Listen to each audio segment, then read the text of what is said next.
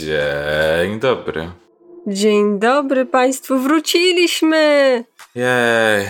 Nie było nas przez jakiś czas, bo y, musieliśmy mieć przerwę, ale teraz już jesteśmy i mam nadzieję, że będziemy przez jakiś czas. Dziękujemy Wam, że wytrwaliście bez nas przez te parę tygodni. E, dodatkowo do słuchaczy tylko z, tylko z serwisów e, właśnie audio, to na YouTubie w zeszłym tygodniu pojawił się filmik, e, tylko YouTube'owy, więc tam też zapraszamy, jeżeli Was ominął. Tak, i to bardzo fajny filmik. Tak tylko dodam. Sz Szanowni Państwo, Panie i Panowie i inne osoby, dzisiaj będziemy mówili o, o, czymś zupełnie innym niż sądzicie, bo pewnie sądzicie, że zrobimy o Izraelu i Palestynie, ale my już mamy odcinek o Izraelu i Palestynie i trochę jest mało rzeczy, które moglibyśmy wam powiedzieć tutaj, które by was zaskoczyły i których inni, inni już nie podali. Mało jest takich rzeczy, które by były u nas jakoś oryginalne, bo też dużą częścią chyba problemu w ogóle w, w konflikcie izraelsko-palestyńskim jest ta dezinformacja. I to, mm. że w zasadzie mainstreamowe media albo kłamią, albo nie doszukują informacji, których y, powinny szukać. E, I na przykład no, często się spotyka, że patrzycie na jakiś e, e, filmik, czy to filmik propagandowy IDF, czy to filmik małpowany przez mainstreamowe media, który nie jest tym, czym się wydaje. Nie widziałam taki y, filmik propagandowy, który w ogóle małpowało chyba potem CNN, po prostu powtarzało informacje bez, bez weryfikowania, na której była wyrzutnia rakiet y, Hamasu, a potem ktoś wypatrzył, że to wcale nie jest wyrzutnia rakiet Hamasu, tylko to jest wyrzutnia rakiet izraelska, którą ktoś po prostu sfilmował i wrzucił i powiedział, że to jest Hamasu. I jest masa takich sytuacji w rodzaju o, ten sierociniec został zbombardowany przez Hamas, a nie Zong, bo to jest palestyński sierociniec zbombardowany przez Izrael. E, I my też trochę z perspektywy Polski nie mamy za bardzo możliwości weryfikowania tych rzeczy, więc tylko, tylko Wam powiemy jakieś tam dzisiaj drobne informacje, a generalnie nasz temat dzisiaj to jest Rosja. Będziemy mówić o Rosji, bo wydarzyło się z Romanem Protasiewiczem w tym tygodniu. I w pierwszym odruchu chcieliśmy zrobić o, o Białorusi, ale też chyba nie da się mówić o Białorusi bez jakiejś tam podbudowy teoretycznej o, o Rosji i tego, dlaczego Rosja jest taka, jaka jest. Więc o tym dzisiaj będziemy mówili. Dlaczego Rosja jest taka, jaka jest? Szczególnie będziemy mówić o Rosji nie od czasów carskich, bo pewnie tam powinniśmy zacząć opowiadać o tym, dlaczego Rosjanie mają taki charakter, jaki mają i dlaczego dusza rosyjska jest taka, jaka jest. Natomiast my zaczniemy od upadku Związku Radzieckiego, bo, bo tak. Um, dobra, ale zanim do tego przejdziemy, to tylko podsumujmy, co się wydarzyło w Palestynie, bo to jest myślę, że warte powtórzenia, e, przynajmniej krótko. Ogólnie to tak. E, w Izraelu prawie 50% populacji to są uchodźcy. To są uchodźcy po prostu z e, innych miejsc w Izraelu, którzy mieszkali tam, mają, mie, powinni mieć prawo do mieszkania. Natomiast poprzez, czy to w wojnie w 1948 roku, czy to później w wojnie sześciodniowej, zostali wypędzeni ze swoich domów i teraz y, mieszkają albo y, tak zwanych otwartych więzieniach, czyli w, y, na terytoriach w strefie gazy i w, w zachodnim brzegu, albo są obywatelami Izraela, którzy mieszkają po prostu tak, tak jak normalni Izraelczycy. E, są takie dwie generalne grupki. Właściwie jeszcze można wyodrębnić trzecią grupkę, czyli Palestyńczyków, którzy mieszkają w wschodniej Jerozolimie. Wschodnia Jerozolima została zaanektowana po, po wojnie sześciodniowej w 1967 roku. E, I tam teraz jest, są bardzo mocne ruchy, żeby e, właśnie stamtąd wyrzucać Palestyńczyków i wprowadzać tam Żydów. E, jak, jeśli widzieliście ten taki viralowy filmik, jak facet krzyczy, że no dobra, może kradnę wasz dom, ale jak ja tego nie zrobię, to ktoś inny się wprowadzi na to miejsce, e, to znaczy moralnie nie ma racji, ale fak faktycznie ma rację, bo tam działają organizacje, które wyrzucają ludzi jakby systemowo i wprowadzają tam ludzi tylko i wyłącznie po to, żeby oni się tam wprowadzili i żeby można było powiedzieć, że no tutaj Żydzi mieszkają, więc, więc nie można zrobić tam y, terytorium palestyńskiego albo dać autonomii palestyńskiej, no bo przecież tam są Żydzi. I takie agresywne zasiedlanie po prostu. Tak, takie agresywne zasiedlanie. To właśnie się dzieje w Sheikh Jarrah. To jest właśnie takie miejsce, w którym się zasiedlili e, Palestyńczycy po 1948 roku. To jest stosunkowo późno, bo są takie miejsca w e, Izraelu, gdzie na przykład Palestyńczycy są w stanie udowodnić prawo własności do czasów otomańskich, ale oczywiście wtedy się ich nie słucha, tylko wyłącznie słucha się obywateli Izraela, czyli zazwyczaj Izraelczyków, Żydów. Więc w tej sytuacji było tak, że sąd za, za, za, zasądził, że ponieważ wprowadzili się tam dopiero w 48, a ktoś, kto tam mieszkał wcześniej, miał prawo czy miał, był w stanie udowodnić, że jego dziadkowie tam mieszkali przed czasami otomańskimi, czy w czasach otomańskich, no to ta, oso ta osoba miała prawo do mieszkania tam. Najśmieszniejsze jest to, że chyba w ogóle ta osoba nie chciała się tam wprowadzić. Nie jest tak, że oddaj mój, mi mój dom, tylko oddaj mi dom, nie będę w nim mieszkał, ale y, będę miał go. Mam, mam pięć innych domów, więc elo. Trochę, trochę tak ta sytuacja wygląda. To, co powiedziałaś, wywołałoby bardzo potężne palpitacje różnych części ciała u, liberałów, bo przecież to jak jego prawo własności i jego dom, to to cię obchodzi, ile ma domów. O, bardzo mi przykro. Trigger warning umieścimy dla Lipków. Tak. Więc od tego się zaczęły protesty, że chciano wyprowadzić ludzi z y, Sheikh Jarrah i te, to wyprowadzanie ludzi też jest takie ewidentnie shady, takie ewidentnie, że coś jest na pewno nie tak i wszyscy wiedzą, że coś jest nie tak z tym, bo to się na przykład dzieje w nocy. Dlaczego ktoś miałby w nocy robić eksmisję, gdyby wszystko było ok? Po co robić eksmisję w nocy? Jeśli nie po to, że wiesz, że coś jest nie tak z tą eksmisją i chcesz uniemożliwić ludziom bronienie się i chcesz wyrzucić ludziom ludzi z łóżek w środku nocy w kapciach. Dlaczego? Dla, jaki jest dosłownie jakikolwiek inny powód, żeby to robić? robić. Ludzie się oburzyli i zaczęły się zamieszki, e, które się zakończyły tym, znaczy nie zakończyły się tym, tylko nastąpiło to, że ludzie byli, że ludzie byli obrzucani granatami gazowymi, atakowani w meczecie Al-Aqsa, który jest tam top 3, top 2 naj, najbardziej świętym miejscem w islamie. Później nastąpiło wzajemne bombardowanie, przy czym oczywiście straty po stronie Palestyny były nieporównywanie większe. E, między innymi, e, jak już mówimy o takich stratach w ludziach, no to zginął chyba ostatni neurolog w strefie gazy. E, zginął facet, który był ordynatorem oddziału zajmującym się covidowcami, gdzie tylko 1% ludzi w gazie jest zaszczepionych na COVID, w przeciwieństwie do reszty Izraela, w której jest to 50% bodajże. Giną palestyńskie elity, giną palestyńscy intelektualiści, giną po prostu pa palestyńscy cywile e, w sposób, który jest nieporównywalny z czymkolwiek, co się dzieje w Izraelu albo wobec Izraela. To, co jest ciekawe e, w, teraz w tej sytuacji, to jest to, że e, no owszem jest zawieszenie broni między Hamasem a Izraelem, ale oczywiście, że Izrael łamie to zawieszenie broni E, Izrael e, po, po, po, tym całym bombardowaniu, po, po niszczeniu tych, tych wszystkich budynków mieszkalnych. Swoją drogą, wszyscy powtarzają to. Ja tego nie, nie rozumiem. Dlaczego w polskich mediach się powtarza kompletnie ślepo i bez weryfikacji tą tezę, że Izrael bardzo precyzyjnie targetuje te swoje ataki? E, że o, bo oni pukają w, w dach, bo e, najpierw ci zrzucają, jak chcą ci rozjebać dom, to najpierw ci zrzucają e, bombę, która nie wybucha, żebyś miał czas uciec. To jakby, to jaki jest cel? W sensie, czy to chodzi o to, żeby zabić ludzi, którzy są w Hamasie? W sensie, chodzi o to, żeby zneutralizować Hamas?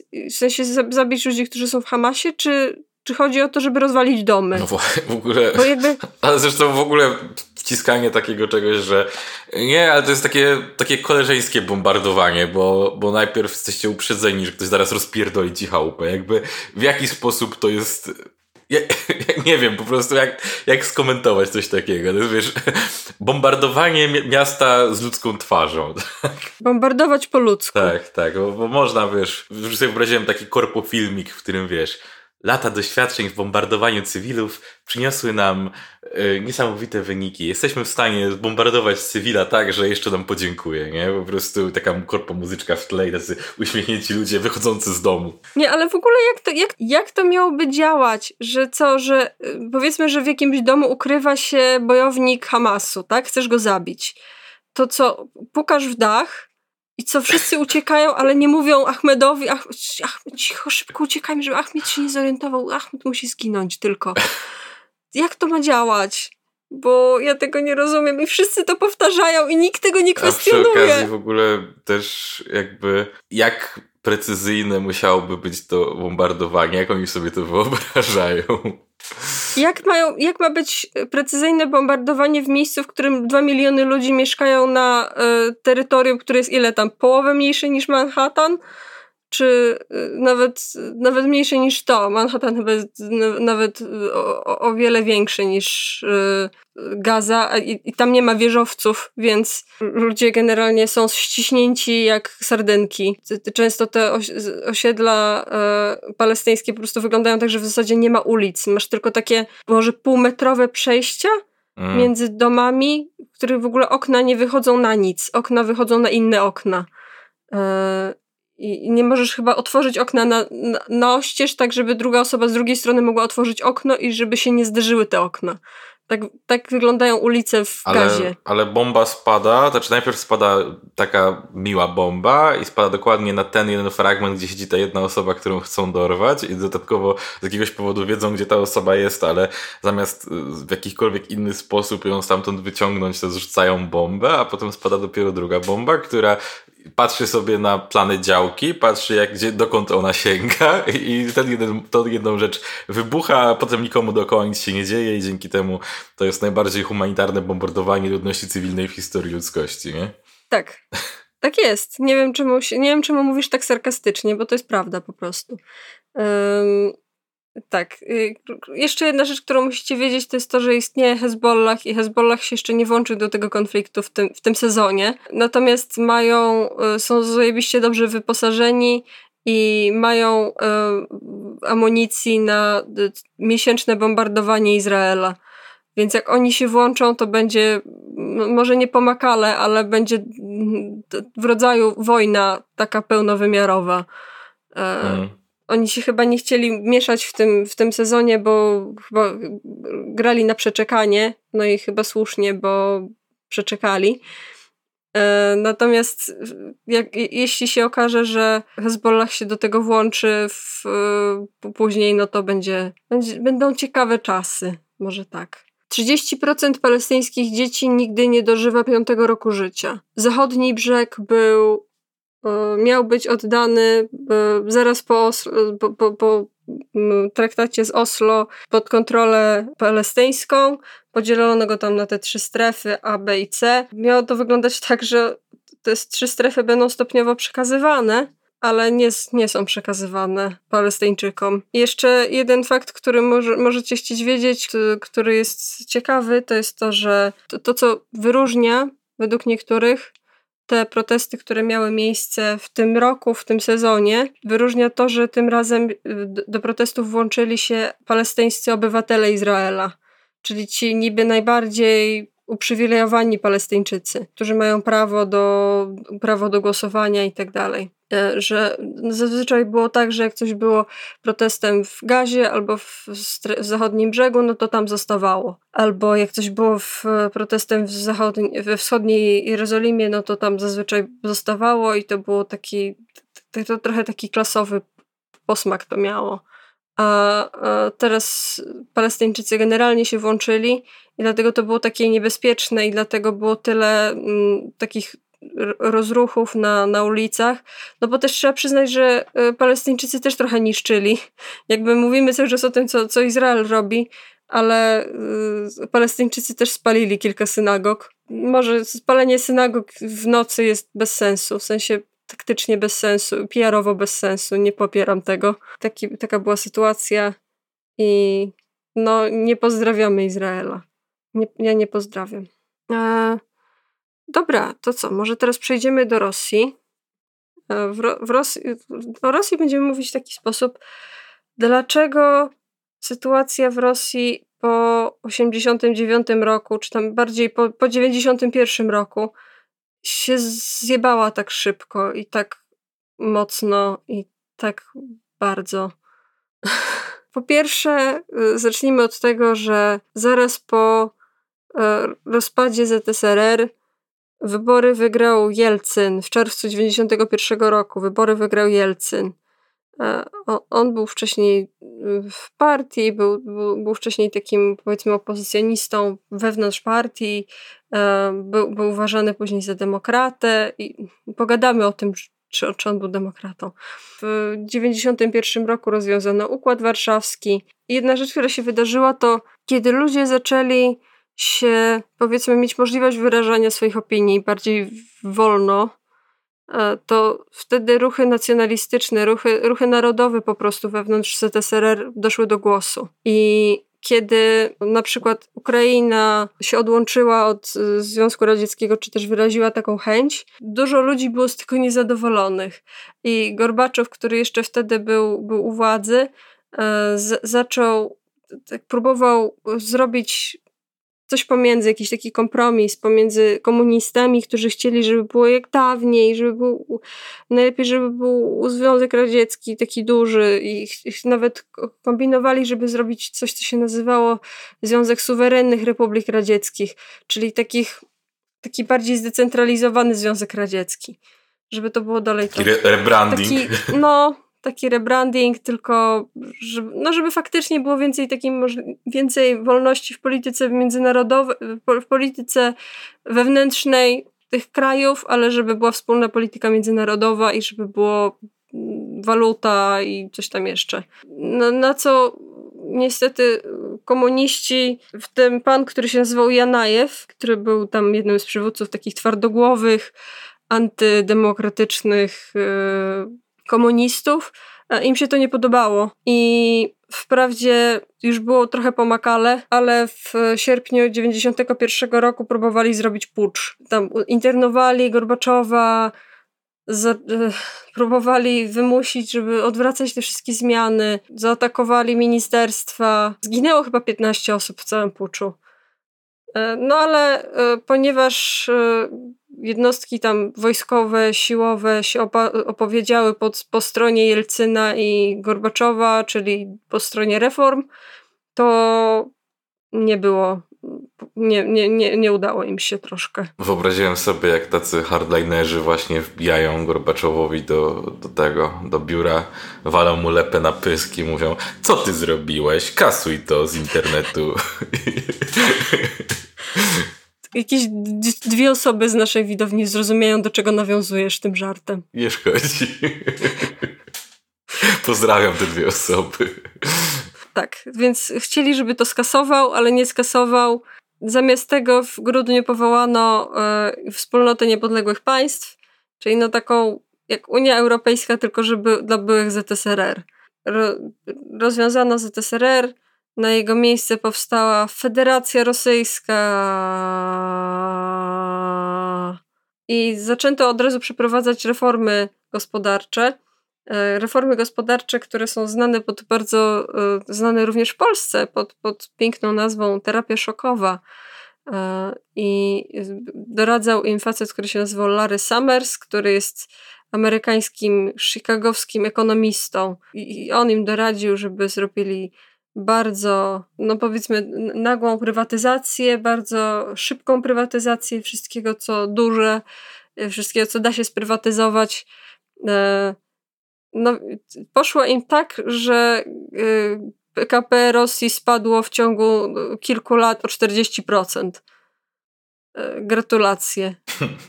Mam nadzieję, że jesteście zadowoleni z siebie. I jeszcze miało miejsce coś, co e, w, się nazywa nawis inflacyjny. E, nawis inflacyjny jest wtedy, jak ludzie mają za dużo oszczędności. Jak nie mają na co wydawać, na przykład właśnie w, w krajach komunistycznych tak było, że ludzie mieli oszczędności, nie mieli na co wydawać, mieli trochę takie obowiązkowe oszczędności i potem jak mają na co wydawać, to nagle jest bardzo dużo podaży pieniądza, i, rob, i, i robi się inflacja. No i właśnie w e, Rosji się zrobiła hiperinflacja wtedy.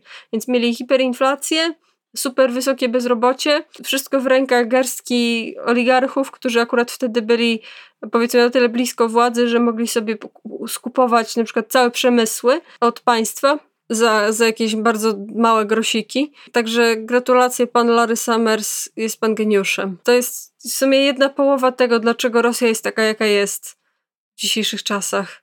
Bo Rosja jest taka, jaka jest, zaraz o tym zresztą więcej powiemy, z powodów politycznych, ale też przede wszystkim z powodów ekonomicznych. We wrześniu i w październiku 1993 roku dzieje się kryzys konstytucyjny. Właściwie to on się nie dzieje wtedy, tylko on się dzieje przez cały w zasadzie czas od momentu powstania Federacji Rosyjskiej, bo od początku jest taki, taka walka o władzę pomiędzy parlamentem a Jelcynem. Jelcyn chce mieć władzę w zasadzie rządzenia dekretem, a parlament no, chce być parlamentem, chce być, może, mieć możliwość faktycznie uchwalania czegoś mm. i chcą, chcą, że tak powiem, hehe, demokracji.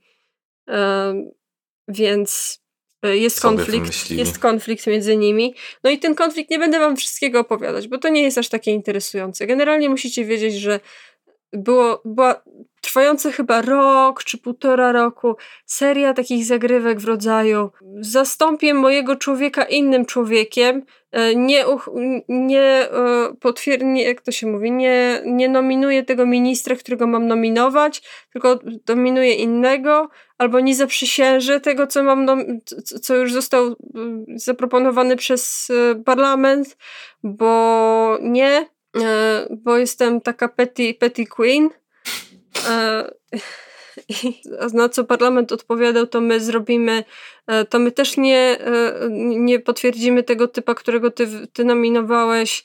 I jeszcze w ogóle to zróbmy referendum konstytucyjne, ale dobra, to zróbmy referendum, ale nie teraz i w ogóle nie z tymi pytaniami. I w ogóle to nie tak ma być i, i, i nie tak to ma być zorganizowane, a właśnie, że tak.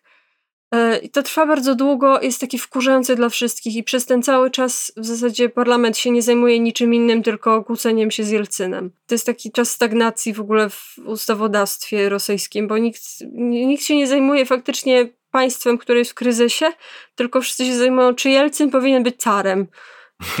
No i generalnie wszystko doszło do, do, do takiej e, kulminacji, e, kiedy w 93 roku w końcu Jelcyn rozwiązał w ogóle Radę Najwyższą, e, czyli to ten taki Senat i w ogóle za, za, rozwiązał obie izby, postanowił, że dobra, robimy nowe wybory, tyle i tak, ja tak postanowiłem, na co deputowani próbowali usunąć jego ze stanowiska i zastąpić go Aleksandrem Rudzkojem, ale nie mieli kworum, więc spróbowali jeszcze raz, zrobili w ogóle e, taką akcję, że zmniejszyli sobie obowiązkowe kworum, jakie trzeba mieć, żeby, żeby uchwalić że, że, że impeachment Jelcyna, żeby go, żeby go uwalić. E, no i go uwalili, zastąpili go Rudzkojem, którego e, uznawało za prezydenta tylko garstka tam tych konserwatywnych, antyjelcynowskich deputowanych, na co on anulował im paszporty, ale też postanowił im wypłacać, znaczy zobowiązał się, że jak dadzą spokój, to będzie im wypłacał pensję do końca unieważnionej kadencji, na co oni stwierdzili, że takiego wała i yy, pozbawili go władzy, znaczy formalnie pozbawili go władzy i na co on yy, logicznie, racjonalnie postanowił odciąć im prąd. E, odciąć im prąd, kanalizację i wodę e, w tak zwanym Białym Domu, czyli w siedzibie parlamentu rosyjskiego. Wszyscy, znaczy generalnie wszyscy z zagranicy byli za Jelcynem, bo Jelcyn reprezentował de demokrację. Mm. przeciwieństwie do parlamentu, który nie, nie, nie, nie, nie, który nie. Wcześniej podczas, w ogóle wspominałam o, o puczu Janajewa. Jedna rzecz, która się wydarzyła podczas puczu Janajewa, to jest, że Jelcyn zjednał sobie struktury siłowe tak zwane, czyli na przykład jest taka, jest, jest taka słynna jednostka alfa, która uczestniczy w tych wszystkich akcjach takich spektakularnych, odbicie czegoś, odbicie zakładników, tak jak grom trochę w Polsce taka jednostka. E, no i on, on sobie zjednał właśnie tą jednostkę i ona, i ona mu pomogła podczas e, kryzysu w 93 roku, bo oni się opowiedzieli po jego stronie e, i, i zresztą całe wojsko się opowiedziało po stronie Jelcyna w tym konflikcie, mm. więc skończyło się na tym, że po prostu ostrzelali parlament, jak, tak jak zrobiłby każdy racjonalny polityk. Tylko to, to mi się bardzo spodobało, że poprosił grzecznie żołnierzy, żeby strzelali w górę budynku, a nie w dół budynku, żeby ograniczyć liczbę zabitych. Ostatecznie 150 osób zginęło, a więc gratulacje. Więc e, tak. E, ostatecznie Rudzko i ci wszyscy faceci, ci wszyscy deputowani się E, poddali, aresztowali ich, potem ich uniewinni, znaczy po, potem ich ułaskawili. To, to opowiadam wam o tym dlatego, że ponieważ Jelcyn wygrał, to w zasadzie dał sobie pra, prawa takiego super prezydenta.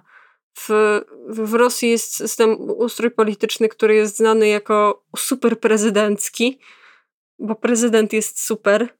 E, właśnie to się zaczęło od tego, od tego kryzysu 93 roku, e, że Jelcyn sobie w zasadzie uchwalił to, co chciał. E, system jest taki, że premier w zasadzie niedużo może, najwięcej robi prezydent.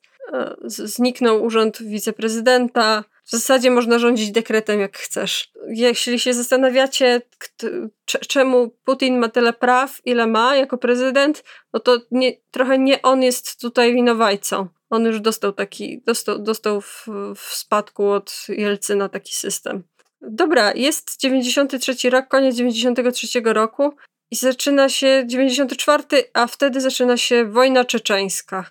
Jak się zaczyna wojna czeczeńska pierwsza? Moim zdaniem warto nawet może jako mała dygresja, skoczyć trochę bardziej w przeszłość, e, na zasadzie w ogóle co się działo z, z Czeczenami e, i dlaczego Czeczeni mogli mieć już wcześniej trochę powiedzmy żalu do Rosji i do Rosjan ogólnie, e, bo ogólnie pierwsza taka właśnie niezależna republika wewnątrz ZSRR, czeczeńsko-inguska, została utworzona przez Stalina w 1936 więc z początku by się wydawało, nie no fajnie, nie? Dostali swoją, dostali swoją republikę, ale w 1944 e, szef NKWD e, powiedział, że w sumie to część Czeczenów pomagało nazistom, przy czym zignorował fakt, że bardzo wielu właśnie Inguszy i Czeczenów walczyło przeciwko nazistom i nawet e, około 50 Czeczenów dostało w ogóle najwyższe odznaczenia wojskowe ZSRR, ale dostali w nagrodę e, właściwie trochę czystkę etniczną i ogromna część została wywieziona na Syberię. E, i no ogólnie to był trochę trochę dick move, e, bo ponad, ponad pół miliona Czeczenów i Inguszy zostało właśnie wywiezionych i republika została rozwiązana za właśnie karę, która wydawała się powinna targetować raczej konkretne osoby, a nie absolutnie cały naród. Ale w 57 e, właśnie pierwszy sekretarz e, sowiecki uznał, że Jean Kruszczew uznał, że w sumie to trochę niefajnie się zachowali i przywrócili, e, przywrócili jakby kraj oraz pozwolili ludziom tam wrócić. No ale niesmak pozostał, nie? I, i ogólnie istnieli sobie, istniały sobie właśnie Czeczenia jako, jako niezależna, znaczy autonomiczna republika wewnątrz ZSRR i ogólnie napięcia takie naprawdę poważne zaczęły się pojawiać właśnie w 92, kiedy powiedzmy zaczęto w ogóle dyskutować o tym, co właściwie jakby, że trzeba jakoś unormować sytuację e, tych właśnie bardziej e, powiedzmy granicznych republik, tych trochę mniej zintegrowanych e, z, z samą monolityczną bardziej Rosją. E, dlatego, że no, po upadku ZSRR i też w tym kryzysie, który wówczas zapanował, no trochę, trochę zaczęto jakby tracić kontrolę nad tymi krajami. No i e, ogólnie e, właśnie e, Jelcyn zarządził taką, taki tour po Rosji, podczas którego po prostu ugadywali się ze wszystkimi właśnie tymi e, republikami na zasadzie e, dawania różnych ustępstw, często podatkowych, często dodatkowej autonomii, żeby po prostu je przekonać do zostania i udało im się tak przekonać 86 z 88 tych republik, ale te, te, te, które zostały właśnie niezadowolone, to była Czeczenia i Tatarstan, przy czym z Tatarstanem udało się potem dogadać po trochę burzliwej historii, ale no, z Czeczenią tak naprawdę nie do, nie do końca doszło do ładu. Między innymi w, w, w Czeczenii doszło do powiedzmy zamachu, bo e, za, zaatakowano e, zgromad, sowieckie e, powiedzmy zgromadzenie, podczas którego wyrzucono e, lokalną, lo, lokalnego przywódcę partyjnego przez okno. E, no i ogólnie to tak robiło się coraz ostrzej i w końcu mm, właśnie doszło do tego, że grupa separatystyczna powołała do istnienia e, republikę e, taką zupełnie niepodległą jakby, przy czym sama ta republika nie została tak naprawdę uznana przez praktycznie nikogo, poza dwoma krajami, właściwie nawet, nawet nie w pełni. No i problem był ogólnie taki, że teoretycznie Czeczenia mogłaby zgodnie z prawem federacyjnym stać się niepodległa, gdyby doszło tam do referendum, którym rzeczywiście większość ludzi by stwierdziło, że chce tej niepodległości, bo prawo federacyjne zezwalało na taką sytuację w przypadku, w którym kraj jest e, jakby krajem granicznym, ale tam wcale nie było takiej większości. No i zaczął się problem, więc najpierw separatyści właśnie gdy przejęli stolicę, Groźny, i, i ogłosili, że są, że są republiką, to Rosjanie powiedzieli, że się, się dogadali z częścią e, Czeczenii, która, w sensie z częścią sił, sił czeczeńskich, które były przeciwko e, se, separatystom i stwierdzili, dobra, wbijamy się i wbili do stolicy. Tam okazało się jednak, że nie jest to zbyt, nie jest to zbyt prosta sprawa, żeby walczyć w tym, w tej, w tym okopanym mieście. Rosjanie się wycofali i zaczęli po prostu bombardować to miasto. I to był bardzo zły look także wewnątrz Rosji, dlatego chociażby, że 70% mieszkańców stolicy właśnie, 70% mieszkańców Groznego to byli Rosjanie etnicznie. Jakby wewnątrz Rosji to wyglądało bardzo niefajnie. Dodatkowo jeszcze Rosja próbowała zrobić chyba jakiś taki trochę publicity stunt. Próbowali pokazać, że o nie jesteśmy już jak Związek Radziecki i, i zaprosili dziennikarzy y, tam i ale jednocześnie to nie było tak, że mieli coś dobrego do pokazania tym dziennikarzom, więc tak naprawdę zrobili totalnie publiczną prezentację, no w sumie trochę zbrodni wojennych i to był trochę problem a wizerunkowo. Nie poszło to zbyt dobrze. Po, po jakimś czasie właśnie w wyniku tak naprawdę takiej wojny na wyniszczenie w 95 e, w końcu siły czeczeńskie się wycofały ze stolicy, bo po prostu uznali, że już nie można tego dłużej bronić. I po prostu, gdy wycofali się, Rosjanie zajęli stolicę, przeszła wojna trochę w taką fazę bardziej, powiedzmy, partyzancką. W 97, znaczy konflikt oficjalnie kończy się w 96, w 97 podpisano właśnie mm, traktat między e, wybranym przez Czeczenów e, prezydentem republiki a, a Jelcynem, tym, że Właśnie ten, ten traktat był taki trochę niefortunny, bo ugadali się raczej, że póki co nie będziemy się zabijać, a sprawę rozpatrzymy za parę lat i jakby na tym poprzestali. Jakby nie, nie, nie, nie zostało realnie to rozwiązane w żaden sposób. I nie zajęło dużo czasu, żeby konflikt wybuchł na nowo tak naprawdę. Bo... Ale o tym za chwilę. Ale o tym za chwilę, no. W tym czasie, w, jeszcze w, w międzyczasie, kiedy trwa pierwsza wojna czeczeńska, wybory drugi raz wygrywa Jelcyn. E, Jelcyn w ogóle oprócz tego, że był wątpliwej klasy demokratą, to jeszcze miał e, taki to jeszcze miał taki problem, że pił. I był PR-owo, to, to nie było dla niego dobre, bo po prostu ludzie uważali go za takiego trochę głupka, że no, pije i że ma ten problem i, i są, krążą legendy o tym, że na przykład mu się zdarzyło wpaść do rzeki po pijanemu i wyłowił go jakiś bezdomny e, i zdał sobie sprawę, że to jest wow, to jest Jelcyn, to jest prezydent. W 98 roku e, dzieje się kryzys finansowy w Rosji. E, po prostu jest to efekt krótkoterminowego pożyczania przez rząd rosyjski i też braku dywersyfikacji generalnie w bankowości rosyjskiej. Trochę to przypomina ten kryzys z 2008 roku. Trochę taka była skala też. W miarę szybko się odbili, ale no PKB Rosji trochę spadło. Podczas tego wszystkiego, o czym my mówimy, warto podkreślać, że wszystkiemu temu towarzyszyły spadki w jakości życia Rosjan, takich zwykłych Rosjan. Jeszcze opowiem więcej o, o, tym, jak to wygląda dzisiaj, ale każdy z tych przełomów, każdy z tych kryzysów e, powodował, że przestępczość była wyższa, korupcja wcale nie była mniejsza i ludziom generalnie żyło się gorzej.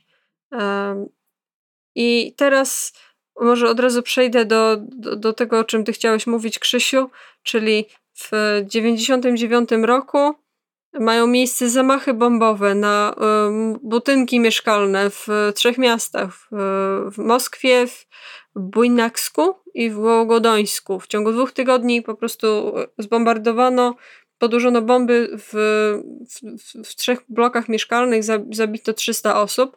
To był taki trochę jak ataki 11 września dla Amerykanów. Tylko różnica była taka, że jak, jak były ataki 11 września w Stanach, to jakby było od razu, wow, kto to zrobił? Musimy ich znaleźć. A w Rosji nie było tej, tej fazy, że wow, musimy znaleźć, kto to zrobił, tylko od razu było to Czeczeni. To totalnie Czeczeni zrobili, tak powiedział premier ówczesny. A premier ówczesny to Putin. Bo, bo, bo Putin tam sobie był Najpierw był szpiegiem, mm. potem został e, partyjniakiem i e, miał e, jakieś tam konszachty w ogóle z mafią i z lokalną przestępczością i sobie tak rósł przez e, struktury partyjne. Potem sobie rósł przez struktury partyjne w, już w demokratycznej Rosji, e, a potem e, został premierem z, z, trochę z nienacka, bo był dość młody i mało znany, ale Jelcyn go mianował. E, więc Putin był wtedy premierem. E, I w ogóle to jest e, ciekawa rzecz, bo potem te, bo, do właśnie tych, tego zamachu na te budynki mieszkalne dotyczyło otrucie Litwinienki kilka, kilkanaście lat temu w Londynie, bo on właśnie głosił taką tezę, że to właśnie FSB, czyli no, następca KGB, zorganizował zamachy bombowe po to, żeby mieć e, pretekst do tego, żeby wejść do Czeczenii drugi raz.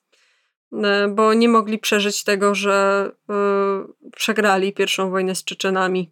Bo, no, bo przegrali i to było dość. W ogóle śmiesznie się patrzy na te, na te, na te doniesienia, jak, jak się czyta opisy, powiedzmy, walk podczas pierwszej i drugiej wojny czeczeńskiej, bo to wygląda tak, że wysłano oddział taki, ataki, naj, najbardziej wykwalifikowany oddział, jaki był, atak skończył się absolutną klęską. Ciekawe są też e, różnice w podanych ofiarach i siłach e, między tym, co mówią Czeczeni, a tym, co mówią Rosjanie, że Rosjanie to przedstawiają tak, że na przykład tam e, przeciwników zabitych 15 tysięcy, strat własnych 3 tysiące, a, a Czeczeni mówią, że strat własnych 5 tysięcy, przeciwników zabitych 25 tysięcy i nagle jest takie jakby mocna, mocno odmienne są te ich wersje. Dobra, no i, no okay. i zaczyna się druga wojna czeczeńska.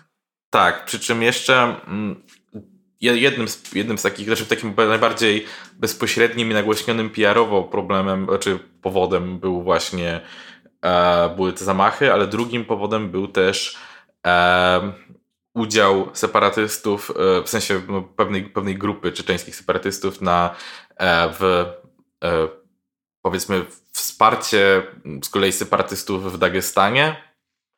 E, ogólnie pierwsza wojna czeczeńska była takim bardzo silnym, powiedzmy, napędem dla nacjonalizmu e, w Czeczeni. Dodatkowo e, Czeczenia ogólnie jest głównie muzułmańska, a więc już wtedy zaczęły się pojawiać między innymi mm, wsparcie ze strony międzynarodowych organizacji powiedzmy wyzwoleńczych muzułmańskich I, i ogólnie trochę zaczęło się tam nakręcać tak mocno właśnie nacjonalistycznie, z też silnym właśnie aspektem religijnym i właśnie między innymi do Dagestanu pojechała grupa właśnie czeczeńska, islamistyczna, nawołująca do w sumie dżihadu. No to również, y, jako że Dagestan był częścią Rosji, to również y, było trochę niezbyt wygodne dla Rosjan i w rezultacie stwierdzili, ok, pora, pora się, się wbić z powrotem do Czeczenii. No i się zaczęło i w sumie tym razem poszło to dość szybko, bo w 9 miesięcy tak naprawdę e, jakby zakończył się tak, ta, zakończyła się ta otwarta faza konfliktu. Po prostu Rosja była tym razem lepiej przygotowana i, i tak naprawdę otwarty konflikt skończył się dość szybko, ale tak naprawdę do takiego powiedzmy umownego zakończenia potem jeszcze przez prawie 9 lat e, trwała walka bardziej partyzancka, i to było dość, dość intensywne i, i brzydkie, i dodatkowo Rosja tak naprawdę raz za razem oznajmiała, że e, oficjalnie wygraliśmy z terroryzmem, a zdarzały się sytuacje, że dosłownie dwa dni potem na przykład dochodziło do jakiejś zasadzki na, na żołnierzy e, rosyjskich. E, przy czym Rosja też była bardzo taka, chyba też się nauczyli, że właśnie trochę bardziej kontrolować a powiedzmy PR i to w ogóle są lata e, właśnie tej, tej czas, czas tej walki partyzancki to jest 2000 do 2009 roku, a więc naprawdę niedaleka przyszłość i wtedy Rosjanie na przykład między innymi często oficjalnie było, że no wykryto jakieś e, paramilitarne grupy i dlatego musimy wysłać tam żołnierzy, albo coś ostrzelać, albo coś zbombardować, ale bardzo chcieli udawać, że tak naprawdę to już jakby nie jest ta sprawa, nie? To jest po prostu jakiś, jak, jakiś zbieg okoliczności, że akurat w tym samym rejonie dzieją się takie rzeczy. A i, I znowu tak naprawdę informacje są dość niejasne na temat tego, ile osób tak naprawdę zginęło, ale yy, i, właśnie w pewnym sensie jakiegoś rodzaju ten ruch trwa do dzisiaj. E, jest bardzo właśnie duży, no powiedzmy, problem z nacjonalizmem e, i jakby ciężko się dziwić w sumie. Dodatkowo jak sobie spojrzymy na to, jak, jaki jest wynik tego wszystkiego, to jest naprawdę nie, nie, nie fajnie, bo sami, sami separatyści e, mówili o ponad 200 tysiącach e, ofiar wśród Czeczenów. Według Amnesty International e, w drugiej wojnie ponad 20, 25 tysięcy cywilów zginęło i ogólnie szacuje się, że w obu tych wojnach e, od 150 do 200 tysięcy cywilów zostało zabitych. A więc no nie jest to zbyt e, dobre dla, nie wiem, niezostawania skrajnie zradykalizowanym, tak? E, więc, więc jakby efekty tego społeczne są do dzisiaj. Co więcej, kraj jest mocno zniszczony, bo Rosjanie też intensywnie między innymi, znaczy w sumie Rosjanie tak, tak samo jak i Czeczeni, zależności od to akurat miał kontrolę nad danym terytorium, niszczyli często na przykład zakłady przemysłowe, I spowodowało to, tam było dużo przemysłu olejowego i to spowodowało ogromne zanieczyszczenia e, wód gruntowych, e, zniszczenie gleby. E, nawet, nawet są terytoria skażone radioaktywnie w wyniku właśnie uszkodzeń kompleksów przemysłowych. Z, z, duża część zwierząt występujących naturalnie w Czeczeni po prostu przestała tam się pojawiać, dlatego że zostały permanentnie przepłoszone. I no to, to jest po prostu trochę katastrofa ekologiczna, która nastąpiła w wyniku tego. Na przykład w 2004 roku właśnie e, Rosja oznajmiła, że jedna trzecia Czeczeni to jest e, strefa katastrofy ekologicznej, a, e, a pozostałe, w pozostałej części 40% to jest ekstremalne ekologiczne skażenie. I kolejny tak naprawdę powód trochę do radykalizacji, tak? Trochę ciężko jest żyć w takim miejscu.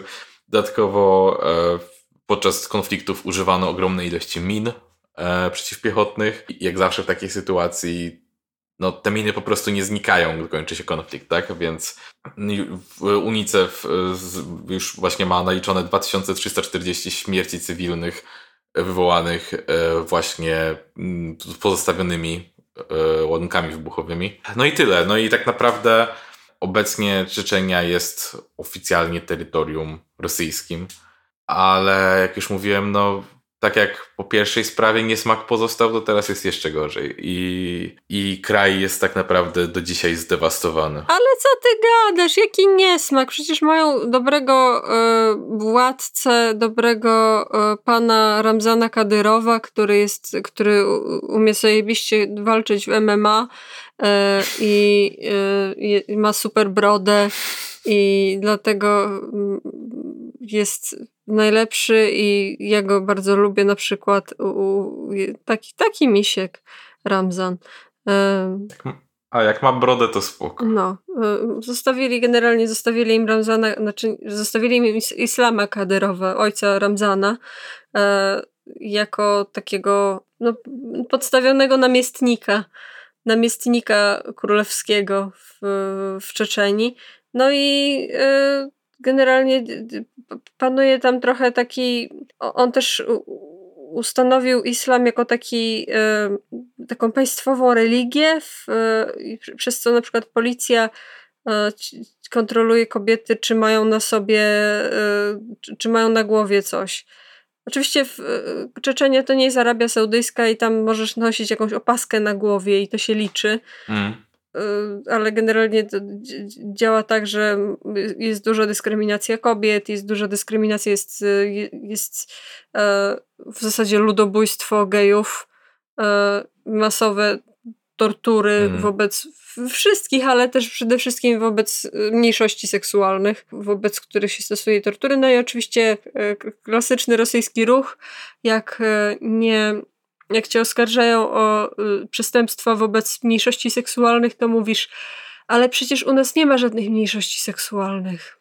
I to wygrywasz w ten mhm. sposób, bo potem, no, bo potem jest, jesteś w Rosji, jesteś popielkiem Putina i yy, no, wygrywasz. W 2002 roku miał miejsce atak na teatr w Moskwie, na Dubrowce. To był powiedzmy jeden z teatrów właśnie wojny, wojny w Czeczeni. Wzięto z zakładników 922 osoby w widowni. E, to właśnie Czeczeni, e, czeczeńscy separatyści no, domagali się separacji. Wzięto tych zakładników, trzymano ich prawie trzy dni, po czym przeprowadzono akcję e, w taki sposób, że ponieważ zamachowcy mieli pasy szachida, w sensie te kamizelki, co wybuchają. Postanowiono ich uśpić, a potem dopiero y, zabić. Y, czyli wpuszczono, wpuszczono do teatru gaz, który był usypiający i ludzie, ludzie posnęli, ale też dużo ludzi się otruło tym gazem. W sensie dużo ludzi po prostu było otrutych na śmierć. 130 zakładników zginęło, bo albo nawdychali się tego gazu tyle, że zmarli, albo wynoszono ich później z, z tego teatru i kładziono ich na, na kupie. Jakby nie, nieprzytomnych kładziono jednego na drugim, także ci, co byli na dole, po prostu się udusili. E, ale oczywiście y, akcję uznano za wzorcowo przeprowadzoną. Nie, mm, rodziny ofiar nie mogą się ubiegać o żadne odszkodowania ani o, o cokolwiek, tylko wszystko umorzono genialnie, idealnie e, wygraliśmy. Do widzenia, papa. W 2004 roku była, była, e, był atak w Biesłanie, na, na szkołę w Biesłanie, e, która też by, by była właśnie była przez, przez separatystów wzięta, wzięta w zakładników. Też zginęło absurdalnie dużo osób, bo nie tylko były mordowane przez, przez zamachowców, ale też dużo ludzi zginęło, bo na przykład o, ups, wysadziliśmy kawałek budynku przy próbie odbicia zakładników. Upsi. Hamsacza Skorpio. No ale wojna się bardzo przydaje generalnie, jak jesteś u władzy. E, a w międzyczasie, tego jeszcze tak, tak eksplicitnie nie wspomnieliśmy, ale Jelcyn podał się do dymisji. E, podał się do dymisji w trakcie drugiej kadencji i przekazał swój urząd premierowi Putinowi, e, który później e, jeszcze wygrał wybory, no bo fajnie jest być wojennym premierem, e, fajnie hmm. jest być wojakiem i wtedy się wygrywa wybory, więc wygrał kolejne wybory i wygrał w 2004 roku.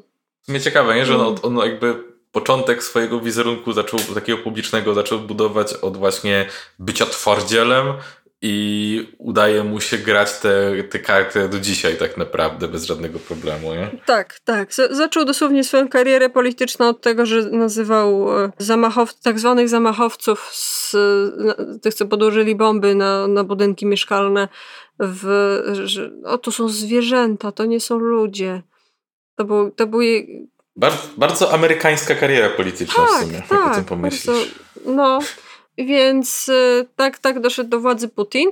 E, no i w międzyczasie jeszcze możemy wspomnieć o tym, że były dwie wojny, znaczy są nawet bo była wojna w Osetii Południowej, czyli sytuacja, gdzie no też, też miało miejsce coś, co y, Rosjanie bardzo lubią robić, czyli wojna hybrydowa, czyli z jednej strony robimy dezinformacje, jakieś tam ekonomiczne szachumachu, wysyłamy zielone ludziki, które nie są wcale naszym wojskiem, ee, e, nie są, um, a z drugiej strony wysyłamy prawdziwe wojsko i oficjalnie mówimy, że to jest nasze wojsko i także to jest y, i instalujemy tam swoich ludzi.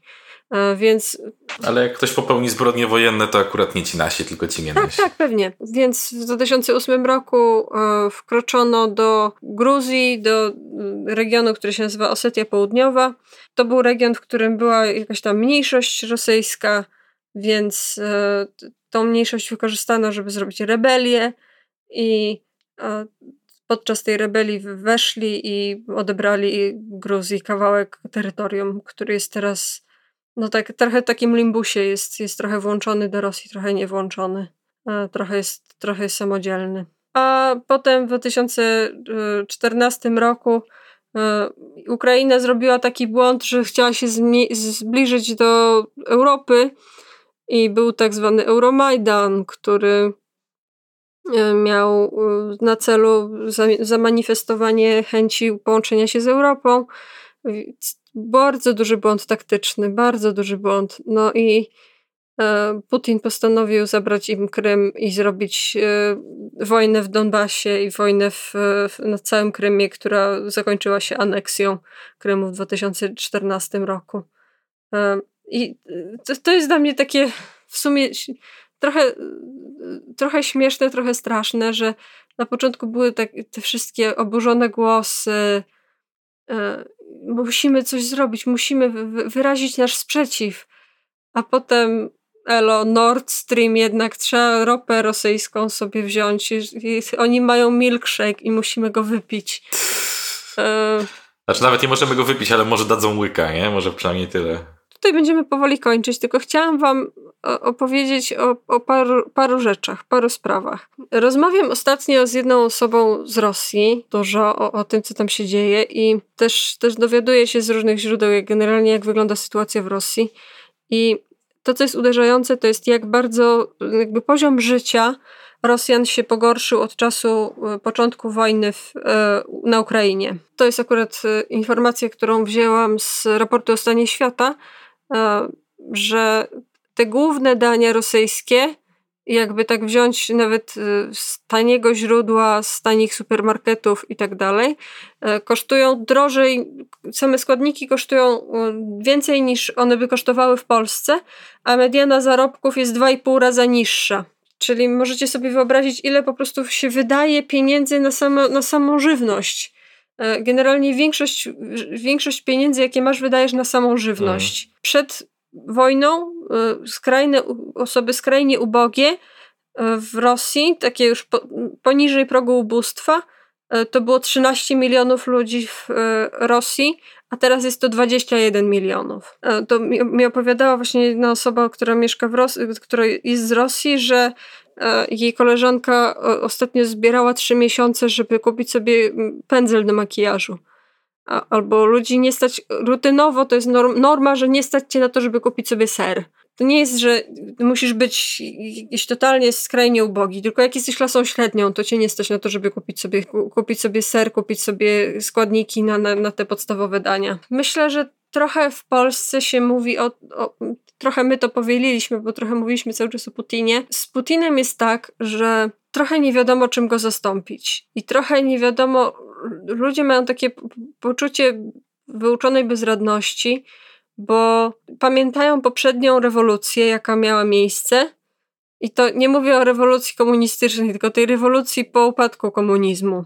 Jak silny to był kryzys, jak tragiczny to był kryzys w skutkach, jaki to był kryzys w ogóle dla wszystkich i nie chcą tego powtarzać młodzi coraz częściej e, hmm. nie, nie popierają Putina. Jeszcze w 2018 roku 80% młodych, tak poniżej 24 roku życia, uważało, że prezydent radzi sobie dobrze. Dzisiaj tylko 50% popiera Putina, czyli o 30 punktów procentowych w ciągu dwóch lat. To, to, jest, to jest dużo. I właśnie to, to, to, to z tego, o czym rozmawiałam, z osobą z, z Rosji wynika, że najczęściej osoby młode są przeciwne Putinowi, dlatego że nie, nie mają tego wyuczonego lęku przed rewolucją. E, że na przykład nie pamiętają lat 90., nie pamiętają, jak, jak to wyglądało wtedy e, w Rosji.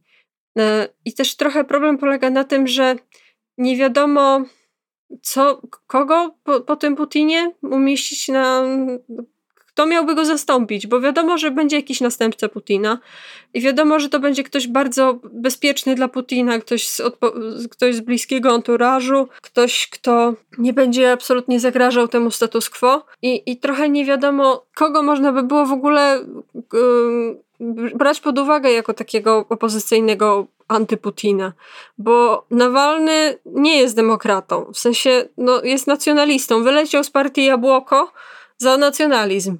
E, wyleciał z, z, z często e, nie chcę tutaj za bardzo go demonizować, bo też jakby już jest wystarczająco zdemonizowany przez, przez swoje własne państwo.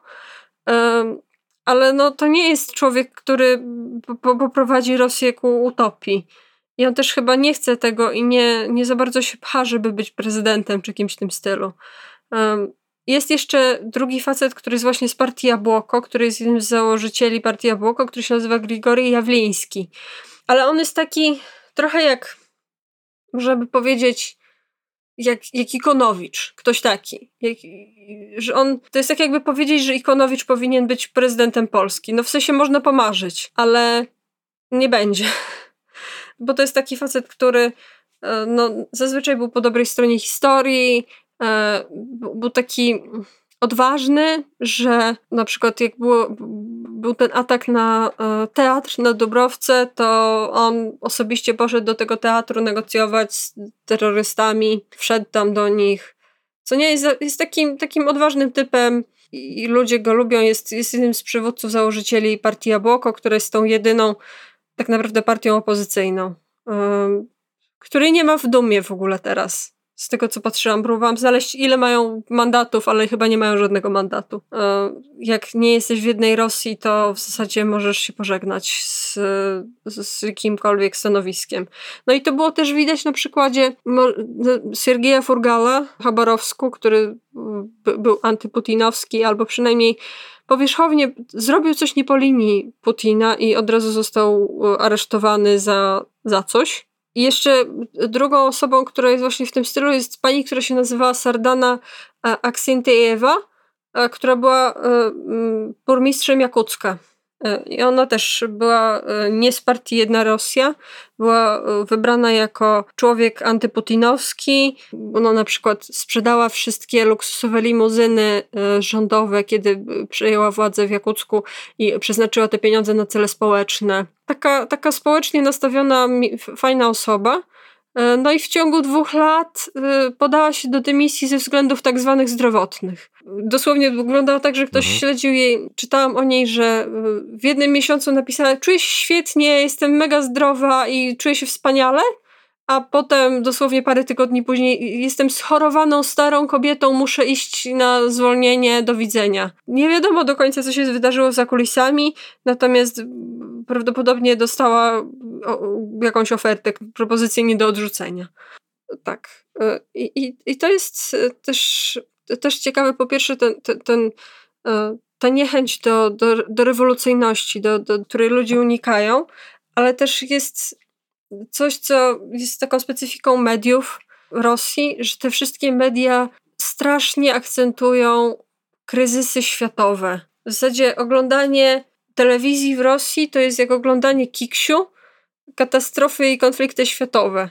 Wszędzie jest kryzys, wszędzie na świecie jest chujowo, wszędzie na świecie jest, bomby wybuchają, wszędzie na świecie jest y, gejropa i e, tęczowa zaraza i tak dalej. I wszędzie, y, tylko w Rosji jest stabilizacja i wiadomo, co się wydarzy jutro. E, I tylko w Rosji będziesz wiedzieć, że przy, przynajmniej wiesz, czego się spodziewać po Putinie. Przynajmniej wiesz, e, czego się spodziewać po tej ekipie i przynajmniej możesz, e, jeśli, jeśli ci nie pasuje, to sobie popatrz, jak jest na świecie. Że tutaj owszem może być niefajnie, może ci się nie podobać, ale na świecie jest jeszcze gorzej. Tak, tak, tak jest przekaz sformułowany. Po to, żeby ludzie nie za bardzo brykali. Um, więc no, mam nadzieję, że trochę pokazaliśmy Wam, dlaczego w Rosji jest tak, jak jest. E, dziękujemy Wam bardzo. E, zapraszamy na kolejne odcinki. Mamy nadzieję, że już niebawem. Tak, dziękujemy i fajnie, że jesteście z nami już tyle czasu i fajnie, że, e, że, że mimo, że nas trochę nie było, to na przykład filmik w zeszłym tygodniu widziałem jednak e, i tak e, został przez Was obejrzany. To było zawsze bardzo miłe do zaobserwowania, więc super i szerujcie nas i lajkujcie nas i nie zostawiajcie nas. Karmcie nas. E, dziękujemy naszym patronom. Anonim, MF, Łukasz Maciejewski, Mateusz 35, Michał M, Tomasz Dubiel, kolega Tomka Popa, Jean, Dominik M, Michał Kolacha, Ewix, Sylwia i Konrad, Piotr Sowiński, Adusia i Adaś. Pa! pa!